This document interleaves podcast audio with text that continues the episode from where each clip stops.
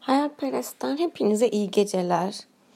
Ee, bugün bence ben de birçok insan gibi e, hafif daha çok anksiyeteyle hissediyor olabilirim. Ve mutsuz ve huzursuz. Bilmiyorum neden ama normalde böyle olmaz. Belki de hani anksiyetemle yüzleşmek zorunda olduğum durumlardan dolayı böyle olmuş olabilir. Ama bugün gerçekten ve gerçekten hani e, yapmak zorunda olduğum şeyleri yapmak için zorlandım. Sokağa çıkmak zorunda hissettim. Bunu başarmak zorunda hissettim. Ama aynı zamanda sokağa çıkmamam gerektiğini de biliyorum. Sokağa çıktığım zaman mesela huzursuz oluyorum ama evde kaldığım zaman da sokağa çıkacak cesaretim olmadığı için kendimi kötü hissediyorum. Anksiyetem oluştuğu için. Peki bunları yaratan biz miyiz? Yani bunları kafamızda korkunçlu hale getiren ve hayatımıza devam etmemizi engelleyen biz miyiz? Korkularımız mı? Anksiyetemiz mi? Yoksa bize dayatılanlar ve bize korkunçlu gelmesi için yapılan korkunç uyarılar, önlemler veya yansıtılan korkunç hikayeler mi? Gerek doktorlar tarafından olsun, gerek etrafımızdaki insanlar tarafından olsun. Herkes sürekli Covid'i konuşuyor. Tabii ki ne konuşacağız diyeceksiniz şimdi. Yani sonuçta bir gündem var. Yaşanan bir gerçek var. Evet insanlar ölüyor. Evet insanlar hayatlarına çok başka şekilde devam etmek zorunda kalıyorlar. Ama aslında her gün günlük rutin olarak birileri doğup birileri ölmüyor mu? Biz çünkü sürekli bu sanırım ölüm korkusunu ve e, ölümü düşündüğümüz zaman anksiyete hastası olduk diye düşünüyorum ben. Ya normalde de bunu çünkü her gün düşünebilirdik ama şu an bir korku, korkunçlu bir e, olay olarak hepimize yansıtılıyor. Yani ben bilmiyorum hangisi doğru. Bunu içimde yaşayan ben miyim? Ben mi korkuyorum? Ben mi korkunçlu bir hayat olarak yaşamak zorunda hissediyorum hayatımı? Yoksa gerçekten korkunçlu bir şeyler mi var? Yoksa bizi korkutanlar mı var? Gerek uyarılar, gerek önlemler, gerek anlatılanlar, gerek haberler. Zaten biliyorsunuz ben sürekli olaraktan size söylüyorum. Ya ben haber izleyen bir burcu değilim. Çünkü haber izlediğim zaman mutlu olamayacağımı farkındayım. Yani hayalperest dünyama, Pollyanna gibi devam edemeyeceğimi farkındayım.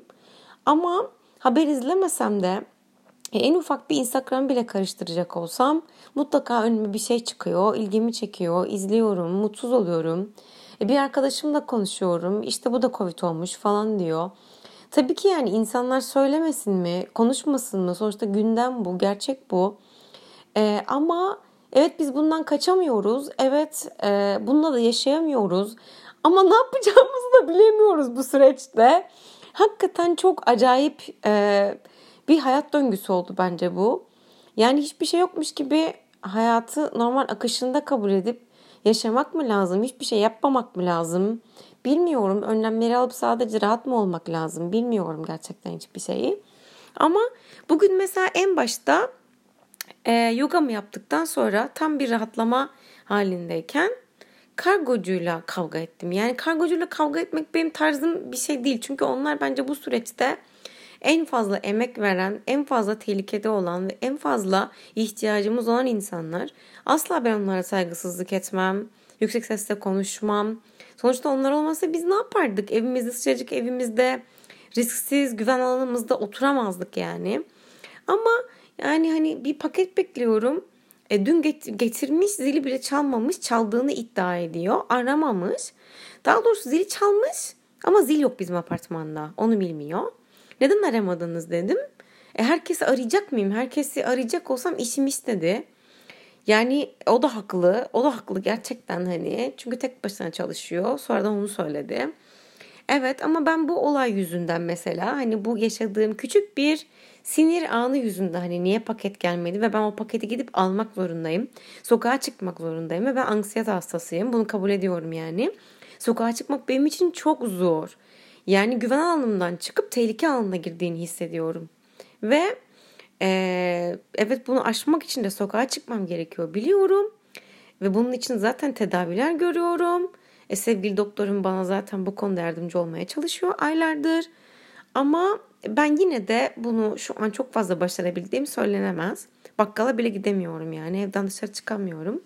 Yani bunun suçu işte dediğim gibi ben miyim? Yoksa bunu bize yaşatanlar mı? Bunu dayatanlar mı? Veya gözümüzü mü kapatmalıyız? Kimseyi duymayıp, görmeyip haber izlememeli miyiz? Sosyal medyaya da girmemeli miyiz? Belki de en hayırlısı da budur bilmiyorum. Bu sefer de insan yalnızlaşıyor. Yalnızlaşınca zaten depresyona giriyorsunuz. E zaten depresyona girmek, sıkıntı, üzüntü hali zaten bağışıklık sistemini düşürmüyor mu? Zaten bağışıklık sistemi zinde e, dimdik ayakta tutabilmek için zaten en başta sevgiye ihtiyacımız var. Sevdiklerimize ihtiyacımız var. Ama sevdiklerimizden uzak durmamız gerektiğinin doğru olduğunu savunan doktorlarımız var. E, bilmiyorum, bilmiyorum yani hani hangisi doğru, hangisi yanlış, nasıl yaşamalıyız, neye inanmalıyız. Ben de bilmiyorum hakikaten.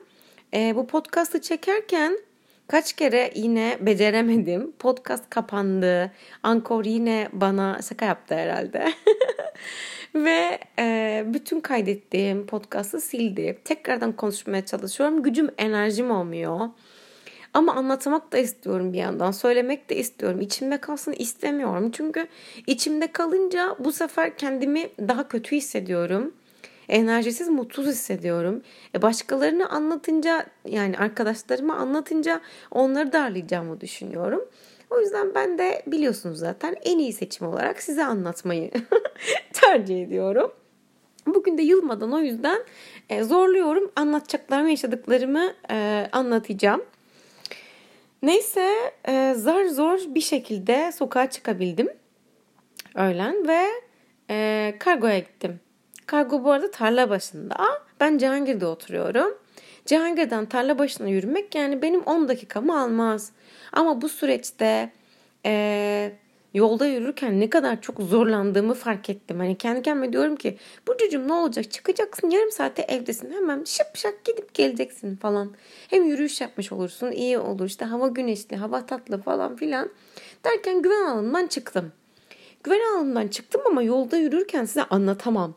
Yani normalde bu kadar aşırı değildi. Ama şimdi hani yanımdan bir insan geçerken tehlike algılıyorum onu. Hani böyle arabaların sensörleri olur ya yaklaşırsınız mesela kaldırıma yaklaşırsınız bir şeye mesela hemen öter. Tıt tıt tıt tıt tıt. Benim de aynen sensörlerim herhangi bir insan yanımdan geçerken ötmeye başladığını fark ettim. Yani böyle e, korkuşlu geliyor bana yanında insanların geçmesi. Bana değecekmiş gibi geliyor. İşte kalabalık değil aslında yürüdüğüm yer ama yine de olsun. Hani böyle insanlara temas etmemeye, yakında durmamaya çalışıyorum ve bu beni daha çok rahatsız ediyor. Psikolojik olarak yolda yürürken insanlardan kaçmaya çalıştığımı fark ettim. Bu hakikaten çok daha rahatsız edici bir durum benim için. Bilmiyorum anksiyetanın böyle üstüne gitmek böyle mi iyi gelecek anlamadım. Hani daha önce zaten zoru başardım. Hani havaalanına da gittim, uçağa da bindim ama yani orada da hani sonuçta evet bir şeyler yaşadım. Yani bir şeyler zar zor yapabildim. E, iyi geldim mi? Hayır. Sonuçta eve geldim 12 gün 13 gündür hiç dışarıya çıkamadım yani. Yarın 13 gün olacak. 12 gündür hiç yani apartmana bile zor çıkmışım. Zaten daha önce anlattım biliyorsunuz. Çıkamıyorum hiç falan. E, evin kapısının e, dışı ardı adım atmak benim için güven alanımdan çıkmak ve tehlike. Ya dediğim gibi direkt sinyaller çalıyor yani. E bugün de zaten böyle hani bir e sürekli sonuçta tarla başına yürüyeceğim Cihangir'den ve Cihangir her ne olursa olsun yine kalabalık yani insan var yani normal zamanla aynı derecede insan var yani hani Cihangir'de bile. Ee, ve yapacak bir şey yok mecburen hani biraz keyif almaya çalışıyorsunuz. Biraz insan görüyorsunuz, seviniyorsunuz. Biraz da tam tersine hani böyle ne işim var benim sokakta? Niye çıktım? Bu insanlar da deli mi? İşte ne bileyim ne işleri var sokakta? Aman yanıma yaklaşmasınlar. Aman üstüme değdi mi acaba diye böyle direkt panik atak, anksiyeteli bir burcu olarak yolda yürüdüğümü fark ettim. Neyse sonuç olarak hani kargo paketini almayı başardım. Eve geldim. Kafama takmıştım çünkü bugün kendi kendime boya yapacaktım. E, kuaföre gitmemek için tabii ki bu da biliyorsunuz. Çünkü e, sağ olsun e, benim canım kuaförüm Demircim bu pandemi sürecinde hep eve geldi ama onu da sürekli darlıyorum, zorluyorum ve dedim ki hani onu da zorlamamak için belki kendi kendime başarabilirim. Tabii kendi kendime bunu başarabilmek için de keşke bir uzman görüşü alsaymışım. Keşke Demir'e danışsaymışım mesela. Boyaları alırken ne yapacağımı sorsaymışım. Ama tabii ki Burcu yine her şeyi kendi bildiği için, kafasının dikine gideceği için belki de bir mucize olacak ve belki de kendi kendime Demir'e sormadan e, boya yapmaya başarabileceğim diye e, boyamı yaptım. Ama tabii ki de olmadı. başka bir renk oldu saçım. Başka bir kızıl oldu yani turuncu kızıl değil de hani başka bir renk oldu. Neyse yani insan ömründe bir şeyleri deneye deneye deneye yanıla bulurmuş. Tabii ki azmedecek, yılmayacak. Belki de bugün de kafama boya yapmayı takmamın nedeni sokağa çıkmamdı. Sokağa çıkmayı zorlamaktı belki 12 günden sonra. Bilmiyorum. Ha iyi mi oldu, kötü mü oldu onu da bilmiyorum. Çünkü eve geldikten sonra rahat hissetmiyorum sürekli. E, sapık gibi onu düşünüyorum yani. Hani sokağa çıktım bugün falan filan bilmem ne. İyi mi yaptım, kötü mü yaptım, iyi yapmadım galiba. Neyse ama yani bugün yine de sokağa çıktığımda iyi bir şeyle karşılaştım. Onu söyleyebilirim. Ee, daha önceki podcastlarımda da bahsetmiştim. Ee, işte kalbini çok sevdiğimden falan bahsetmiştim. Hatta evinin manzarasının benim evimin manzarasıyla aynı olduğundan bahsetmiştim. Cihangir'de oturduğunu falan düşünüyordum. Ya da Kabataş'ta işte. Ee, bugün Cihangir'de yürürken kalbine rastladım. Bu da evet tatlı bir tesadüftü gerçekten. Ee, bugün yaşadığım. Aslında tesadüfler Allah'ın kendini gizleme yöntemiymiş. Bunu da The Secret kitabından geçen gün öğrendim. Daha doğrusu filminden öğrendim. Hani hiçbir şey öğrenmedim, çok anlamsızdı, çok sıradandı falan dedim ama gerçekten aklımda kalıcı bir cümle kalmış. E, tesadüflere çünkü çok inanan bir insanım ve tesadüflerin her zaman kaderde bir anlamı olduğuna inanırdım zaten. Tesadüf Allah'ın kendini saklama yöntemiymiş. Gizleme yöntemiymiş. Çok hoşuma gitti. İnanılmaz. İnanılmaz böyle tam olarak içime temas eden bir cümle oldu yani bu. Ee, ben de biliyorsunuz hani hep bahsediyordum kalbenden falan filan sevdiğimden. İşte podcast'ta da daha öncekinde bahsettim. Sanırım 5 ya da 6. podcast olması lazım. İşte evinin, e, yerinin benimle aynı manzarada olduğu için komşu olduğumuzdan falan bahsetmiştim, düşündüğümden bahsetmiştim. Ve bugün gerçekten kalbenle karşılaştık Cihangir'de. E biliyorsunuz daha önce de hani söylemiştim podcast'ta bahsetmiştim. Eğer karşılaşırsak bir daha yanına gidip sesleneceğim diye. Çünkü sonuçta biz Cihangir insanları Hani bir mahallede oturuyoruz. Ee, çok fazla insan görmüyorsunuz zaten normal şartlarda. Hani sürekli aynı insanları, komşularınızı görebilirsiniz. Gittiğiniz kafelerde, marketlerde, sokakta yürürken her yerde aslında aynı insanları görürsünüz hemen hemen. Tabii ki çok daha başka yerlerden gelen bir sirkülasyon da var Cihangir'in ama biz kendi kendimize yaşayan bir koloni olduğumuz için benim değişimle genelde biliriz yani hani e, mahalleli olanı aynı mahallede yaşadığımız insanları ünlüsünden ünsüzünden farkındayızdır yani onları. Onlar da bizi bu arada. Ee, neyse işte o yüzden de hani herhangi bir Cihangir insanı aynı mahallede oturan komşular e, gibi hani kalbine bir seslenmek istedim. Daha önce zaten söylemiştim yapacağım bunu bir daha karşılaşırsak falan. Karşılaştık işte. Yanına gittim. Dedim ki işte merhaba kalben misiniz? Evet siz adınız nedir dedi o da. Çok tatlı ve sempatik bir şekilde bu arada. Zaten öyle biri. Yani zaten biliyoruz. İşte tanıştık falan. Sonra e, bir şekilde işte evinizin e, yeri konumu dedim. Hani galiba benimkiyle e, aynı yerde alt sokakta oturuyorsunuz büyük ihtimal. Çünkü aynı manzara işte benim evimde de var falan dedim. Videolarınızdan fark ettim falan dedim. Nerede oturuyorsun dedi. Başkurt'ta dedim. Aa ben Kabataş'ta dedi. Evet aynen. Tahmin ettiğim gibiymiş yani. E, saçların çok tatlı falan dedi. Allah'ım tam bir saç mevzusu üstüne yani saçlarımı boyamak için sokağa çıkmıştım çünkü biliyorsunuz boyalarımı kargocu getirmediği için. Sağ olsun Sürat Kargo. Tekrardan teşekkür ediyorum. Ee, anksiyetamı tetiklediği için veya anksiyetamı aşmak için bana yardımcı olduğu için ve sokağa çıktığım için. Neyse e, saçların çok tatlı falan dedi. E, çünkü turuncu bir burcuyum. Daha önce de bahsetmiştim. Ben de siz de çok tatlısınız falan dedim. Öyle. Sen de dedim daha doğrusu siz demedim. Öyle hoşçakallaştık ve ayrıldık. E, tatlı bir tesadüftü, tatlı bir karşılaşmaydı benim için. E, çünkü biliyorsunuz bunu daha önce yapmak istediğimi söylemiştim. Evet aslında Cihangir'de yaşayan hiçbir ünlü veya hiçbir kimse için karşılaşmak e, aslında zor bir şey değil. Ama yine de yine de bence aynı anda aynı sokakta yürüyebilmek, karşılaşmak tesadüf işte dediğim gibi daha önce Allah'ın kendini gizleme yöntemiymiş. Ve daha önce herhalde çok istedim. Söyledim hatta birkaç gün önce ve 2-3 gün sonra bunu yaşadım. Sağ olsun Sürat Kargo. Sürat Kargo'nun kuryecisi sayesinde sokağa çıktım. Evet bugün Kalben'le tanıştım.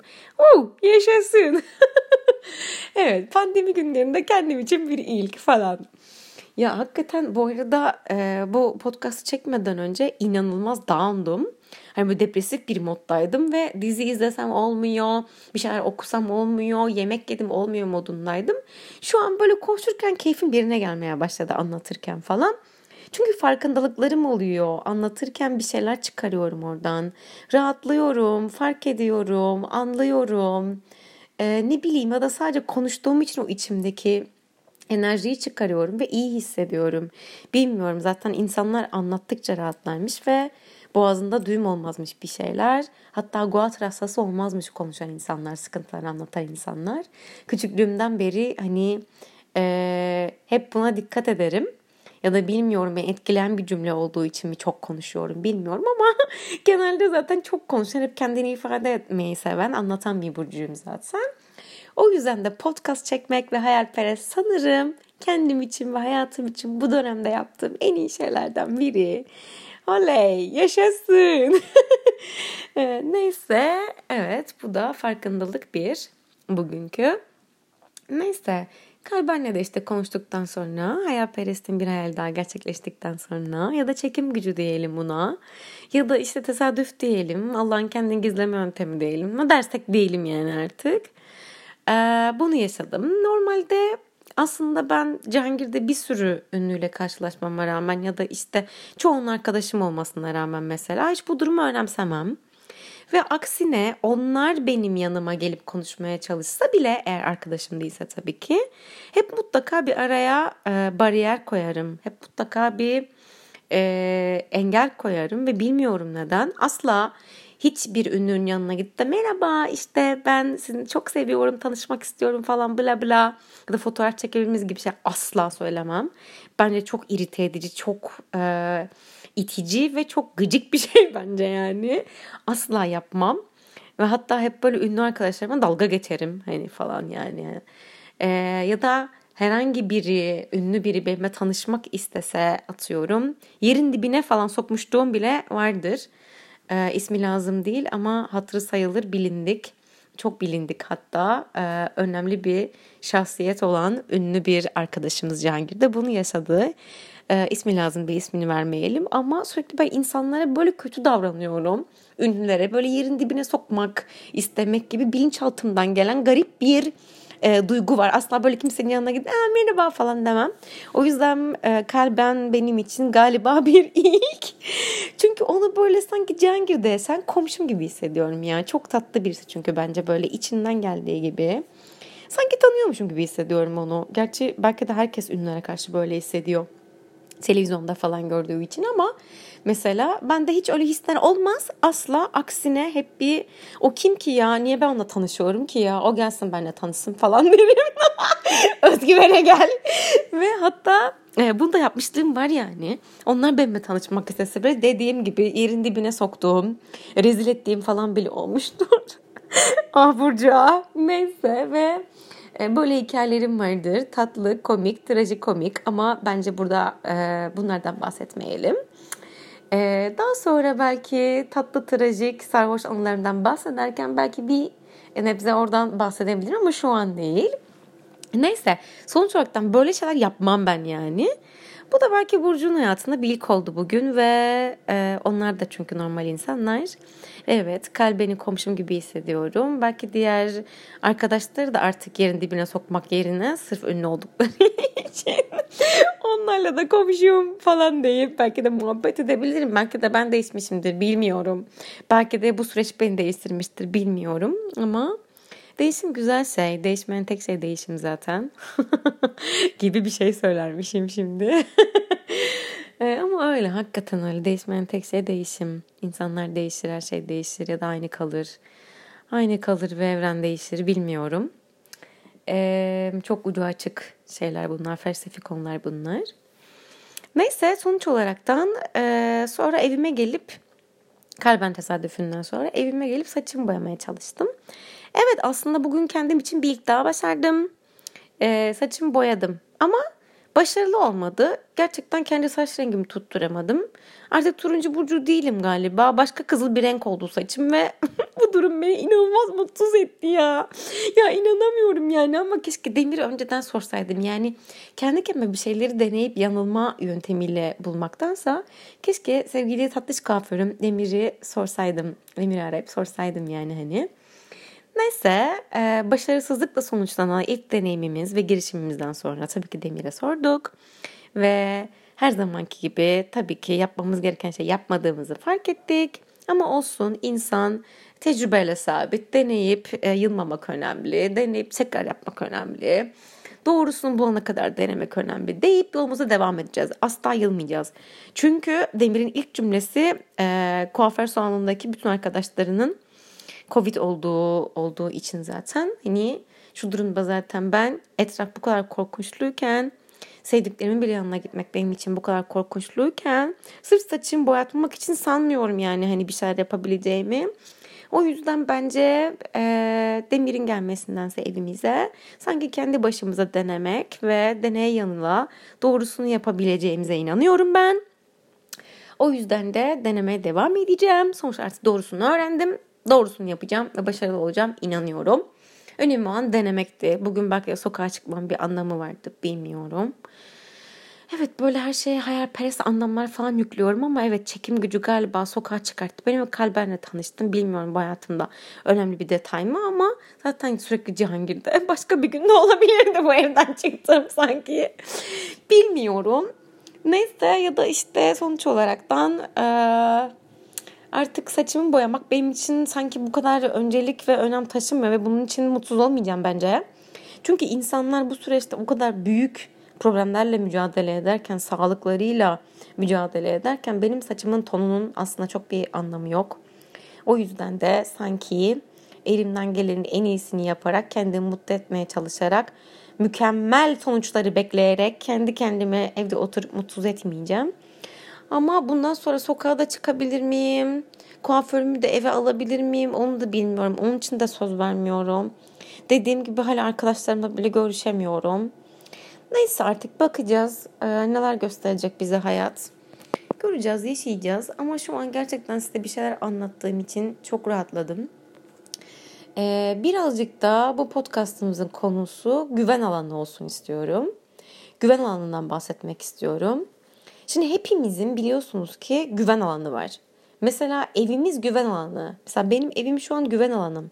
Kapının ardı, kapının dışı, kapıdan ayağımı attığım anda güven alanımın dışına çıktığımı hissediyorum ve tehlike alanı hissediyorum orasını. Resmen benim için e, güven alanımdan çıkmak tehlikeli bir bölgeye girmek gibi algılıyor onu beyin. Ve direkt hani kendime engel olamıyorum, anksiyete hissediyorum, heyecanlanıyorum, panik atak yaşıyorum ve mutsuz oluyorum sonuçta bunu yapmak zorunda olduğum için. Güven alanı dediğimiz şey aslında hep aynı şeyi yapmak, alıştığımız şeyi yapmak, aynı döngüde olmak.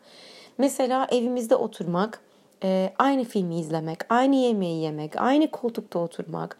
Belki de aşık olmadığımız halde sırf alıştığımız için, sırf her gün gördüğümüz için, sırf onun hayatından çıkmaya cesaretimiz olmadığı için, evimizden çıkmaya cesaretimiz olmadığı gibi, aşık olmadığımız bir insanla yaşamaya devam etmek gibi, sevgilimizden ayrılamamak gibi. Yani çoğu insanın cesareti yoktur mesela yeni bir ilişkiye atılmaya. Çünkü güven alanıdır o alıştığı ilişki.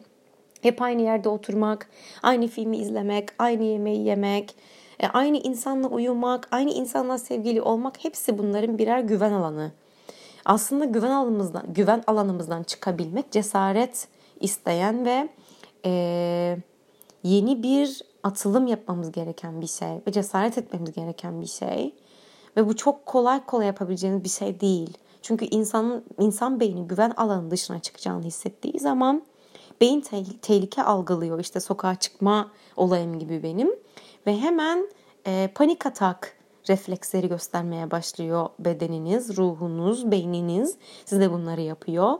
O yüzden de çoğu zaman dediğim gibi güven alanımızdan çıkmak hiçbirimiz için çok kolay şeyler değil.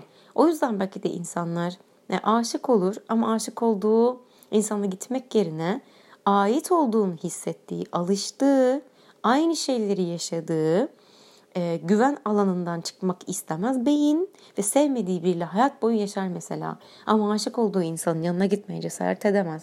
Onunla bir ilişki yaşamaya cesaret edemez. İşte bu da bence güven alanımızdan çıkmamız gerektiğini beynimize alıştırmamız gereken en önemli nedenlerden biri. Çünkü asla ben böyle bir insan olamayacağımı söylüyorum. Bunu asla yapmayacağımı söylüyorum. Ama bugün yaşadıklarıma baksanıza yine evden dışarı çıkamıyorum. Güven alanım beni zorluyor evde tutmak için. Beynim bahaneler uyduruyor. O yüzden demek ki e, başka birine aşık olduğu halde e, eski sevgilisiyle ya da hala hali hazırda olan sevgilisiyle hali hazırda olan sevgilisiyle e, yaşamak insanlara güvende hissettiriyor, güven alanında hissettiriyor ve cesaret edip yeni hayata, yeni ilişkiye, aşka doğru adım atamıyorlar. Ve ben bunları mesela çok eleştirirdim. Asla ben yapmam derdim. Niye böyle yaşıyorlar, niye böyle yapıyorlar derdim insanlar için ama görüyorum ki ben de aynısını yapıyormuşum.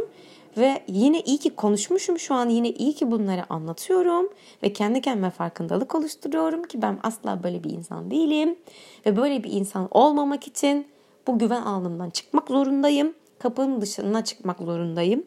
Bütün anlatılan korkunçlu hikayelere rağmen, bütün anlatılan senaryolara, yaşanan dünyadaki gerçek hastalığa rağmen belki de e, güven alanımızdan çıkmaya kendimizi zorlamalıyız. Yoksa daha fazla e, sanırım bu duyguyla yaşayamayız.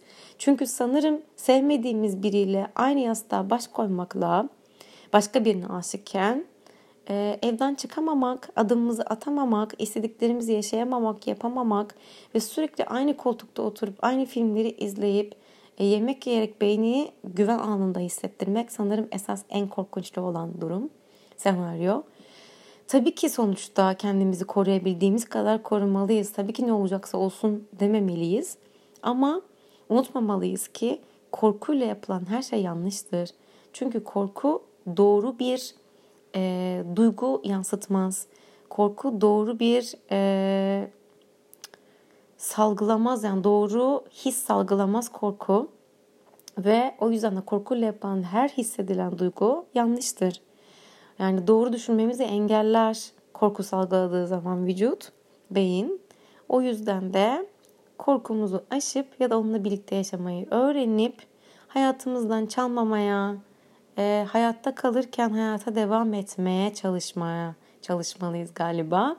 Evet çok şey bir cümle oldu, karmaşık bir cümle oldu ama umarım, umarım eğer bu ses kaydını dinliyorsanız, bugün bu podcast'ı dinliyorsanız Hepinizin bugün benim de deneyimlediğim gibi, benim de öğrendiğim birçok şey gibi yine, birçok farkındalığım gibi sizin de güven alanınızdan çıkmak çıkmanız gerektiği e, durumlar aklınıza gelmiştir. Onlarla yüzleşmişsinizdir.